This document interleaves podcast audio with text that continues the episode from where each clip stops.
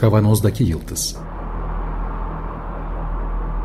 Hazırlayan ve sunanlar İsmail Başöz, Haluk Levent ve Fethiye Erbil.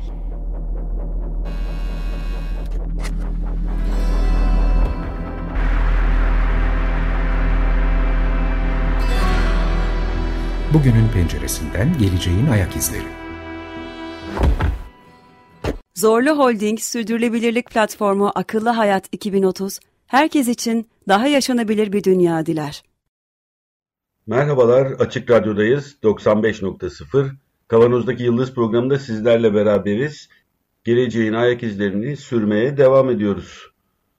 Bu hafta, geçtiğimiz hafta birinci bölümünü yayınladığımız Giyilebilir Teknolojiler ve Hukuk başlıklı sohbetimizde Profesör Doktor Mustafa Alp ile yaptığımız programın ikinci bölümünü sizlerle paylaşıyoruz. Profesör Doktor Mustafa Alp 9 Eylül Üniversitesi Hukuk Fakültesi'nde öğretim görevlisi, doktor öğretim üyesi Sevil Doğan ile Çalışma ve Toplum dergisinin 2021 yılı 4. sayısında Giyilebilir Teknolojiler ve İş İlişkilerine Etkileri isimli makaleleri üzerinden bir sohbet gerçekleştirdik. Bu sohbetin ikinci bölümünü sizlerle şimdi paylaşıyoruz.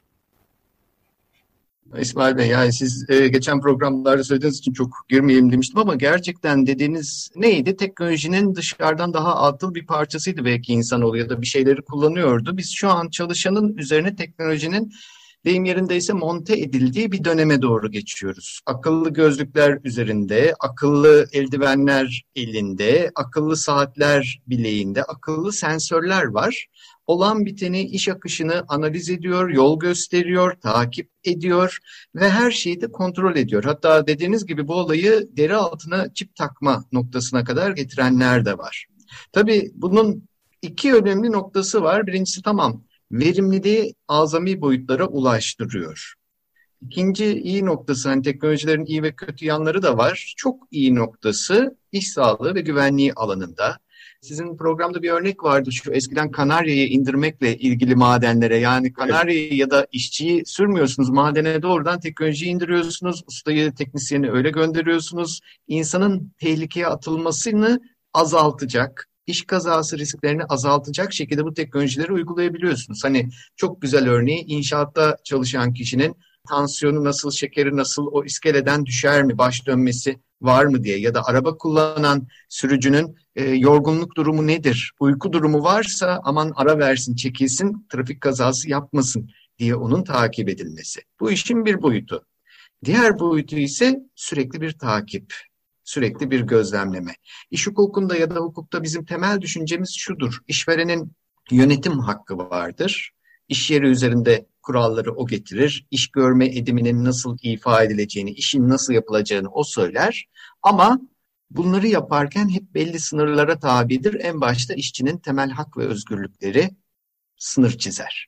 Özel hayat alanına dokunulmaması gerekir kişisel verilerin ortaya konmaması, paylaşılmaması gerekir. Halbuki şu an biz işverenlere sonsuz bir kontrol mekanizması, yani biz demeyelim de teknoloji işverenlere sonsuz bir kontrol imkanı getiriyor. Ne oluyor? Hani baştan aşağı sağlık verilerini işveren görebiliyor. Hani iş kazasını önlemek diye yola çıktı ama şey diye başlıyor yani oradan yavaş yavaş kalp atış durumları nasıl, uykusunu almış mı, şeker durumu nasıl, giderek kadın işçi acaba hamile mi değil mi bunlarla ilgili şeyleri sonuçları da görmeye başlıyor. Belli sağlık verilerini ölçmeye başlıyor. Nerede nasıl vakit geçirdiğini ölçmeye ve anlamaya başlıyor. Olay öyle bir noktaya gelmiş ki Amerika'da özellikle bu yaşanmış. Dediğiniz gibi ülkelere göre de farklar var. Batı Avrupa sistemiyle Amerika sistemi, Çin sistemi birbirinden çok farklı noktalarda.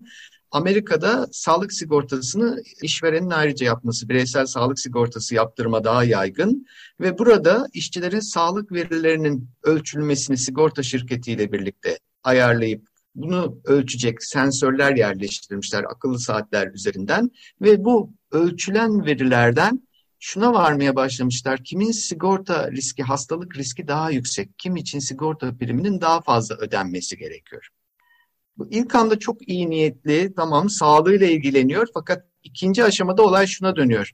Aa benim şimdi işçi Mustafa için bunun aileden gelen şu hastalıkları vardı. Şimdi tansiyonun yüksek olduğunu gördüm. Şekeri de yüksek. Daha yüksek prim ödemem gerekiyor. İleride de birkaç seneye kadar bunun hastalıkları başlar. Ben en kısa sürede bununla yollarımı ayırayım. Onun yerine İsmail'i alayım mesela. Yani buna gidebilecek bir tehlikeyle de karşı karşıyayız. Bir böyle bir sağlığa dayalı ayrımcılık tehlikesi de var karşımızda yavaş yavaş. Ve bir yandan da özel hayatın tabii sonsuz bir şekilde gözlemlenmesi. Kusura bakmayın bu, bu kısma geçmeden önce yani sağlık sigortasını yaparken bizim aklımıza ilk gelen işte sosyal sigorta sistemi. Yani her koşulda ne olursa olsun sağlık açısından sigortalanmak. Fakat özel sağlık sigortaları biraz önce bahsettiğim sosyal sağlık sigortası değil, özel sağlık sigortaları temelde bunu kar amaçlı yaptığı için Tabii. muhtemel sigortanın harcaması yüksek olabileceğini düşündüğü potansiyel hastaları, hastalık potansiyelinin yüksek olduğunu düşündüğü insanlara sigorta yapmaktan imtina ediyorlar zaten. Şimdi bunun ya da için, yüksek primler istiyorlar da, ve sonuç buna varıyor. Evet Tabii. ya da yüksek prim. Şimdi bunun için bu toplanan giyilebilir cihazlarla gelecek verilerden çok daha ne bileyim çok daha ayrımcı davranabileceklerini ifade ettiniz değil mi? Yani bu adamın kalp atışları değişiyor. Aslında kimse farkında değil. E, hiçbir şekilde kolay kolay farkında olunmayacak ama algoritmalar okuyup diyecek ki sizin riskiniz yüksek işte kalp atışınız hep 82'lerde dolaşıyor sık sık. O zaman sizin sigorta priminiz bu olacak. Aslında bu şu ana kadar uygulanan bir şey değil. Ya da beyan, beyan, beyan var orada İsmail. Yani şu anda form doldurtuyorlar. İşte e, kritik hastalıkların var mı yok mu onu soruyor. Evet. Şimdi bunu dehşetli bir şekilde anlık izleme potansiyeline kavuşuyor. Tabii. Evet. Bizim kanunlarımız aslında bunu özel nitelikli veri olarak kabul ediyor, sağlık verilerini hassas veri kabul ediyor. İşçinin rızasıyla bile bunların aslında işlenmemesi gerektiğini, hani açık rıza olur diyor ama o açık rızayı bile sonuçta iş ilişkisinde hani işverene işçi rıza göstermek zorundadır. Hayır deniyor dünyada. Başka haklı gerekçeler getir. Tabii dünyada demeyeyim Amerika'da farklı ama biz Avrupa örneğini almaya çalışıyoruz genelde. Batı Avrupa'da Avrupa'da daha işçi ya da bireyi koruyucu bir sistemimiz var çeşitli noktalarda. Onu örnek almaya çalışıyoruz. Bizim sistemimiz, yasamız da Avrupa sistemine yönelik hala. Yer yer bu noktada da şey işitiyoruz tabii. Bu belki konumuzla alakalı değil ama bir parantez açıp onu söyleyebilirim. Biz iş hukukçuları yer yer bununla ilgili eleştiri alıyoruz. Yani dünyada sadece Avrupa yok. Biraz da Amerika'ya baksanız, Amerika'nın sistemini getirseniz diye bilmiyorum. Malik Hocam size de söylüyorlar mı iktisatta öyle bir şey oluyor mu ama bizde hukukta hani Amerika'nın liberal sistemini daha çok almadığımız için yakınıyorlar yer yer belli gruplar. Onu iktisatçılar biz... söylüyordur. Olabilir. evet. Genelde işverenlerden duyuyoruz biz bu eleştiriyi. Yani Amerika'daki sistemin özellikleriyle bizdeki özellikler farklı. Hani Amerika'da yerine biraz evvel söyledik biz özel sağlık sigortası değil, sosyal sigortayı yeğliyoruz ve o şekilde yaklaşıyoruz. Bu bir tercih. Bizim ülkemizde, devletimizde şimdiye kadar korunmuş gelen bir tercih. Hani bir sosyal devlet tercihi. Bu esas üzerinden yaklaştığımızda da tabii işçi koruma prensibinden hareket ediyoruz ve işçinin temel hak ve özgürlüklerinin iş yerinde de devam ettiğini, özel hassas nitelikli verilerinin işveren tarafından işlenemeyeceği, alınamayacağı, kullanılamayacağı, illa bunların kullanılması gerekiyorsa işverenin bu gerekliliği kanıtlaması gerekeceğini kabul ediyoruz. Hani sağlık verisi toplaması gerektiren belki bazı çok önemli işler olabilir ya da sağlık verilerinin ölçüleceği işler olabilir ama bunu amacıyla sınırlı yapması lazım. O işteki iş kazası, meslek hastalığı risklerini azaltmak için, önlemek için. Yoksa işçileri ayıklamak, işçileri buna göre yetersiz olarak damgalamak, böyle sosyal olmayan seçimler yapmak gayesiyle değil. O yüzden giyilebilir teknolojiyi bu noktada sınırlayabilmemiz lazım. Hukukla, kurallarla, yargı kararlarıyla sınırlayabilmemiz lazım işin içerisinde. Bir, bir soru, pardon çok özür dilerim. Tabii. Bir soru tam bununla ilgili. Şimdi varsayalım ki cari iş hukuku kuralları çerçevesinde işveren bir çalışana, işverene sağlık problemini çıkartabileceğine dair ama yani problemi var fakat işte gördüğü işle ilgili herhangi bir e, engel oluşturabilecek bir problem değilken potansiyel sağlık problemi nedeniyle işten çıkartırsa bu haklı bir çıkartma mı olur yoksa? Yani sadece işçinin çalışmasını engelleyen, işine yönelik ve iş yerine yönelik tehlike doğuran, iş yeriyle alakası olan bir durum varsa ancak onu geçerli bir sebep olarak kabul edebiliriz ki o bile örneğin kıdem ihbar tazminatı hakları varsa onların ödenmesini gerektiren bir fesih şekli olur. bunların ödenmesi şartıyla işten çıkarmayı kabul edebiliriz. Ancak başka işle hiç ilgisi olmayan bir durum varsa, şunu örnek vereyim ben size, yaşanmış bir örnek. İzmir'de bir iş yerinde yaşandı. Bu senede Erzurum'da bir yerde yaşanmış. AIDS hastası olduğu öğreniliyor işçinin. İşiyle hiçbir alakası yok. Kimyasallarla, kanla vesaireyle çalışmıyor. Ama bir şekilde bu öğrenilmiş. İşveren doğru işten çıkarıyor işçiyi.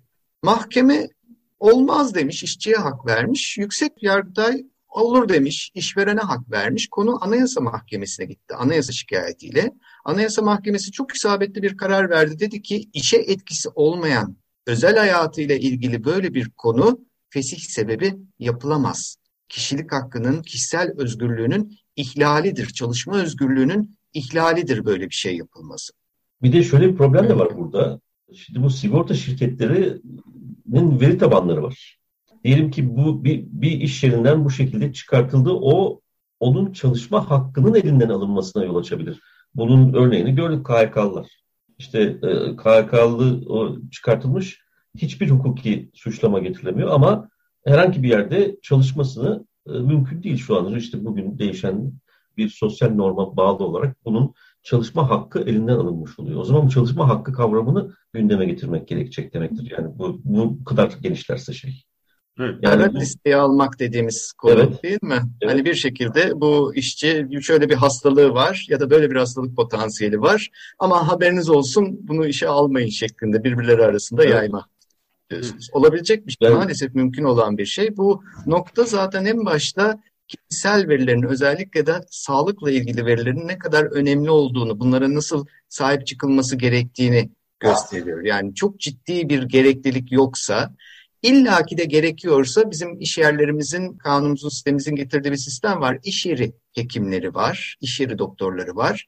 E, onların sır saklama yükümlülükleri var. Eğer bir şeylerin bilinmesi ve saklanması, işlenmesi gerekiyorsa o zaman sadece bu hekimlerle sınırlı kalacak şekilde sağlık verilerine yönelmek, onları işlemek lazım. Daha ileri gitmemek lazım. Öyle Biz mi peki şu anda? Covid'de de tartışıyoruz. Covid-19 geçirdi geçirmedi, aşı olma, oldu olmadı. Bununla ilgili veriyi işveren toplayabilir mi? İşleyebilir mi? Yapacaksa hani iş yeri hekimi üzerinden yapması gerekir, nasıl olması gerekir noktasını ciddi bir şekilde şu anda da tartışıyoruz. Şu anda da tartıştığımız konulardan bir tanesi. Henüz bu sabitlenmiş bir hukuk kuralı olarak yok demek ki tartışmalar devam ettiğine göre. Yani e, o verileri toplamak noktası. Şu an COVID-19 yeni bir şey olduğu için aslında iş yeri hekiminin bile işle ilgili olan hastalıkları işlemesi ve kaydetmesi lazım. Ama tabii sağlık raporlarıyla ilgili bazı şeyler de gelebilir önüne. Onlar da bulunabilir. Bunları hiçbir kimseye söylememe yükümlülüğü var. Yani bu işleyen bir sistem. İşin boş bırakılan noktası şu an bu COVID-19 krizi aşı oldu olmadı, test yaptırdı yaptırmadı bu verilerle ilgili nasıl bir tedbir alınacağı, bunlara ne ölçüde işverenin müdahale edebileceği noktası. Ama genel olarak şunun oturduğunu söyleyebiliriz. İş yeri hekimleri üzerinden ve sağlık personeli üzerinden bu sistemin gitmesi, işlemesi lazım. Pratikte çözülen bir yol olarak. Evet. E şöyle bir örnek verebilirim İsmail Güncel bir örnek. Boğaziçi Üniversitesi'nde sanıyorum geçen hafta bize bir rektörlükten duyuru geldi. Normalde kampüslere girerken aşı şartı var. Aşı ya da negatif PCR şartı var. Ee, ve öğrenci numaranızı işleniyor bu bir şey üzerinden, web sitesi üzerinden, okulun kendi sitesi üzerinden. Öğrenci kartınızı okuttuğunuzda kapıda, kapıdaki turnikelere işte bu şartları karşılamıyorsanız içeri giremiyorsunuz. Bu Eylül'den beri böyle. YÖK de bunu önerdi. E, fakat bir öğrenci e, dava açmış ve yürütmeyi durdurma kararı alınmış. E, eğitim hakkının ihlali diye. Bu şartları koşamazsın diye. Tabii okul buna itiraz edecek vesaire ama hakikaten bu en son COVID-19 aşı ve sağlık verilerini kim görecek? Onu mesela şu anda öğrenci işleri görebiliyor, kayıt işleri görebiliyor, e, güvenlik görevleri görebiliyor. Hakikaten onların görüp görememesi meselesi de sanıyorum hukukta epey su götürür bir tartışma olacak. Tartışma konularından bir tanesi. Yani olayın geldiği noktada bir yandan kamu sağlığı var. Hı hı. E, hastalık bulaşmasın, hastalığı önleyelim, buna yönelik bir tedbir alalım. Ama bir yandan da o verilerin işlenmesi, verilere kimin erişimi olacağı noktası ya da konusu. Hı hı. O kararı bilmiyordum üniversitelerde. Bizim üniversitede de var. Ciddi bir şekilde uygulanıyor. Kimlik kartıyla HES kodu eşleştirmesi yapılıp turnikelerde onun okunması, girmesi şeklinde. Bizde hukuk fakültesi olmasına rağmen hiçbir öğrencimiz dava açıp öyle yürütmeyi durdurma almadı.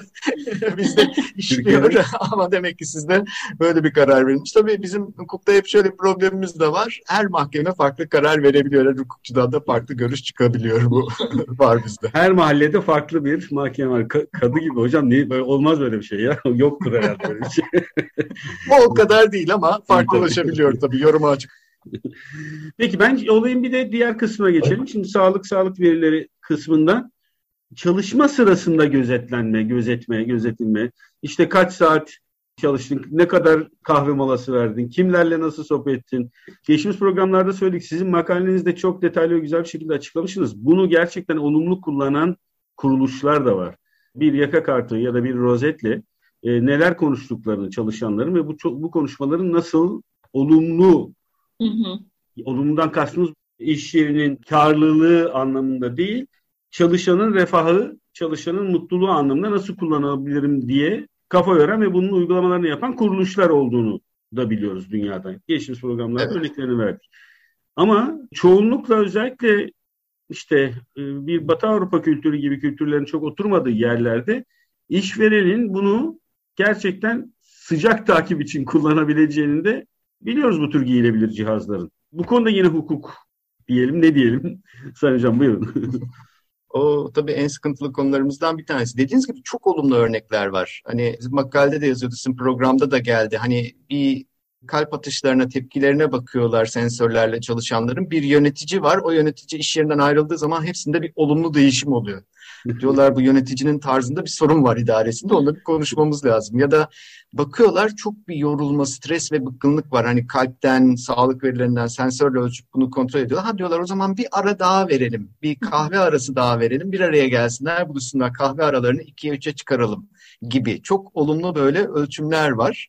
Ama bunların yanında tabii devamlı bir takip noktası da var. Hani takip, hani biz şu anda da onunla uğraşıyoruz aslında belli noktalarda. Maillerin takip edilmesi bazen, iş yerinden yapılan mail yazışmalarının, telefon görüşmelerinin kaydedilmesi ve takip edilmesi yönünde gizli takip de sağlayan bazı uygulamalar, programlar var. Bunlar da kullanılabiliyor. Ama bir yandan da şimdi giyilebilir teknolojilerle bunun daha ötesine geçip hareket ettiği her alanda ya şuradan şuraya gitmesini 5 dakikada yapabilirdi. Niye şimdi 7 dakikada yaptı? Ya da buradan buraya geçişi neden böyle uzun sürdü? Geçerken onunla mı selamlaştı? Bununla mı konuştu?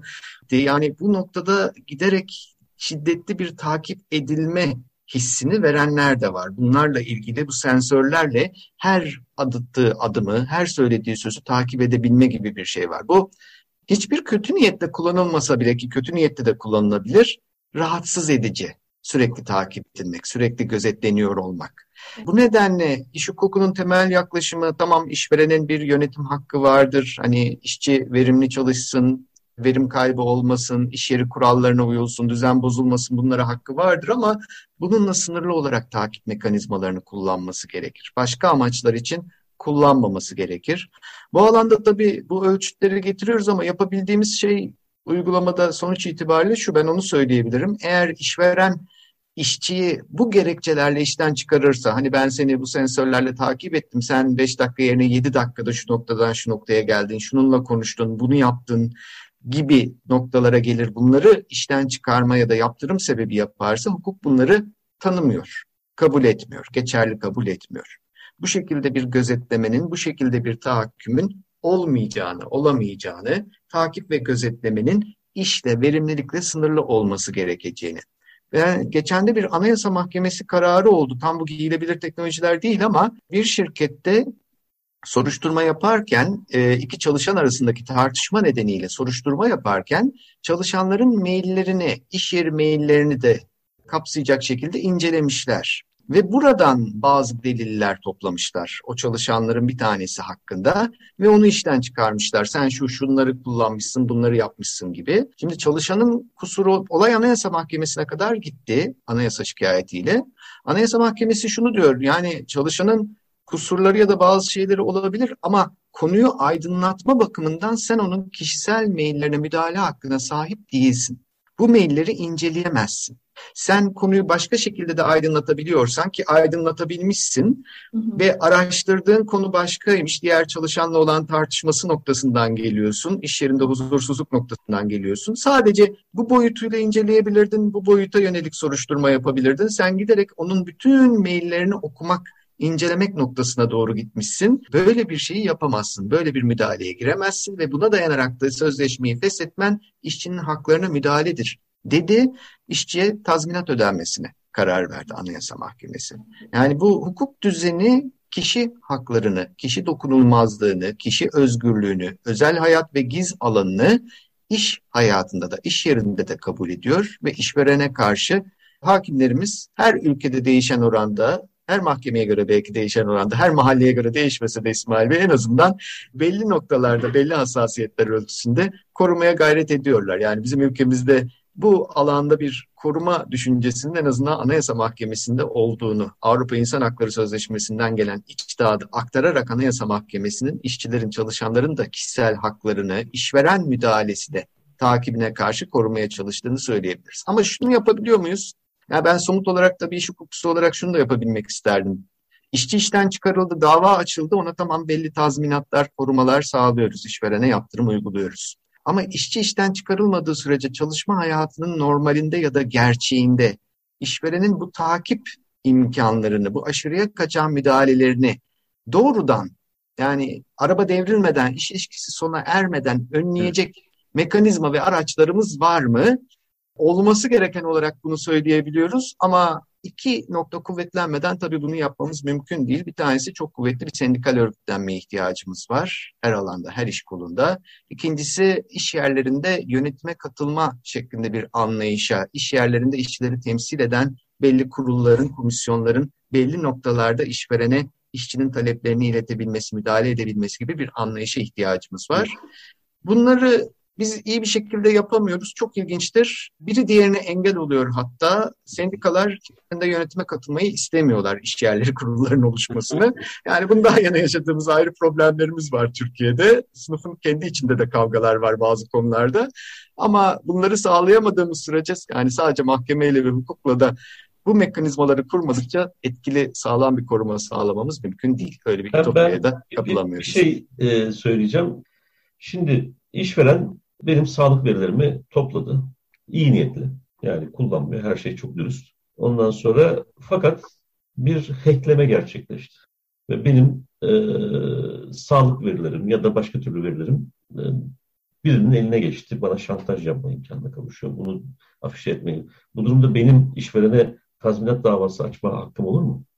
Ee, şöyle işvereni kanunlarımız veri sorumlusu olarak kabul ediyor ve veri sorumlusu olan, veri toplayan olduğu için o verilerin güvenliğine azami dikkati göstermesi lazım. Yani hacklenmemesi için, çalınmaması için gereken bütün tedbirleri almış olması lazım. Tedbirleri almamışsa, bir ihmali varsa, ihmalci davranmışsa yani önlenebilecek bir şeyi önlememe gibi bir ihmali, kusuru olduysa işveren bundan yana sorumlu tutulabiliyor. Hem buna karşı bir dava açma imkanı var hem de kişisel verilerin korunması kurulu çok ciddi yüksek idari para cezaları uygulayabiliyor böyle bir durumda. Ama hacklenme olgusu tabii teknolojinin diğer boyutuyla baktığımızda öyle bir şey geliyor ki ne, ne yaparsa yapsın koruyamamış da olabilir belli hackerlar karşısında bir kusuru yoksa o zaman tabii ki bir sorumluluğu da olmayacaktır. Olay Kusurunu yani gereken özeni gösterip göstermediğine bakmamız gerekiyor. Ben bir son bir soruyla girmek istiyorum. Biraz önce bahsettiğiniz vakada işçiyi çıkarmışlar ama Anayasa Mahkemesi diyor ki sen onun maillerini izleyemezsin. Doğal olarak da buradan aldığın verilerle işçiyi dışarı çıkaramazsın. Tazminat ödeyeceksin işçiye. Peki bu durumda onun mailini kontrol edene işçinin tazminatı dışında bir ceza uygulaması, bir yaptırım var mı? Yani yapmaması gereken bir şey yapıyor. Sadece işçiye vereceği tazminat değil ama kanun dışı bir şey yapıyor. Buna burada işverene ekstra bir başka bir ceza uygulamak gibi bir şey var mı hukukta? Tabii kişisel verilerin korunması dediğimiz zaman işin ceza hukuku boyutu var, idari para cezası boyutu Hı. var. Dediğiniz gibi çeşitli cezaları başka yaptırımları uygulamak da mümkün. Hı. İdari para cezasını kişisel verilerin korunması kurulu uygulayabilir. Ama bu kişisel verilerin korunması hani hangi alanda idari para cezası verilir, nereye kadar verilir, nerede verilmez? Bu şu an Türkiye'nin biraz el yordamıyla, deneme yanılmayla yerleştirmeye çalıştığı bir husus. İlk defa 2010'da anayasa değişikliğiyle kişisel verilerin korunması gerektiğine dair hüküm anayasamıza girdi. Kanunu yıllar sonra çıkabildi. Kurulu onu da takip eden yıllar sonra kuruldu. Biraz Avrupa modeline, biraz Amerika modeline göre şu an bir şeyleri yapmaya çalışıyor ve işleri hiç kolay da değil. Onu da söyleyeyim. Yani gelişen dünyada verilerin bu kadar kolay hacklendiği, elden ele dolaştığı, gizliliğini sağlamanın bu kadar zor olduğu bir ortamda kesin kurallar getirebilmek de çok zor. En büyük zorluğu şeyde gördük, pandemide. Bu pandemi başladığı zamanlarda hep sorulduğunda veri hukukçuları bize diyorlardı ki kişisel verilerin korunması her şeyden öncedir, önce gelir. İşçinin ateşini de ölçemezsiniz çalışanın. Ateşini ölçemezsiniz. Çalışana ne durumdasın diye soramazsınız. Bununla ilgili bir şey yapamazsınız. E, hastalık Çin'deyken öyleydi. Avrupa'ya geldi, Amerika'ya geldi, bize geldi. Hastalık giderek yayılmaya başladı. Günde 100 kişi, 200 kişi ölmeye başladı. Dediler ki bütün kişisel veri koruma kurumları ve bağlananları ölçen... Ya ateşi ölçün tabii. Ateşi ölçmeden kimseyi almayın. Hasta mı diye sorun tabii ki onu sormadan kimseyi almayın. Yani bazı zorluklar da kişisel verinin ne kadar korunacağı ile ilgili anlayışı değiştirebiliyor tabii. Aslı Bu alanda cezalardan biraz daha sakınmak lazım. Cezalar Aslı olan hayattır. Aslı olan hayat. Aslı olan hayat. İnsan hayatı. Evet. evet. Ee, peki. Evet. E, birkaç haftadır sürdürdüğümüz çalışma hayatı ve onun bir parçası olan giyilebilir teknoloji ürünü, giyilebilir cihazların bir miktar hukuk boyutundan bahsettik. İki haftadır Profesör Doktor Mustafa Alp ile beraberdik. Mustafa Alp hocamın doktor öğretim üyesi Sevil Doğan'la beraber yazdığı Giyilebilir Teknolojiler ve İş İlişkisine Etkileri isimli makalesini Çalışma ve Toplum dergisinde bulup kendisine ulaştığımızı söylemiştik. Bu e, makale gerçekten çok keyifli bir makale. Tavsiye ediyoruz. 2021 yılının dördüncü sayısında dijital ortamda da rahatlıkla ulaşabileceğiniz bir makale.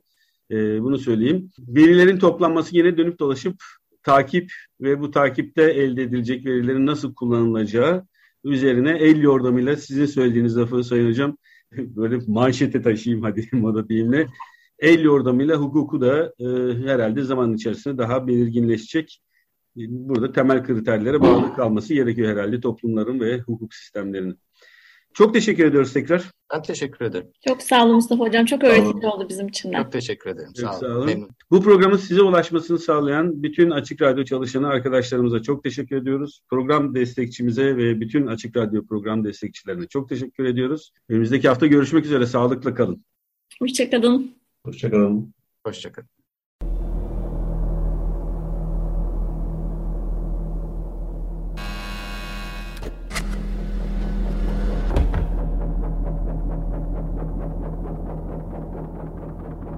Kavanozdaki Yıldız Hazırlayan ve sunanlar İsmail Başöz, Haluk Levent ve Fethiye Erbil.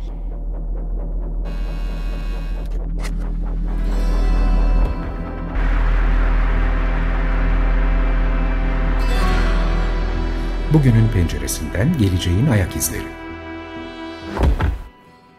Zorlu Holding Sürdürülebilirlik Platformu Akıllı Hayat 2030 herkes için daha yaşanabilir bir dünya diler.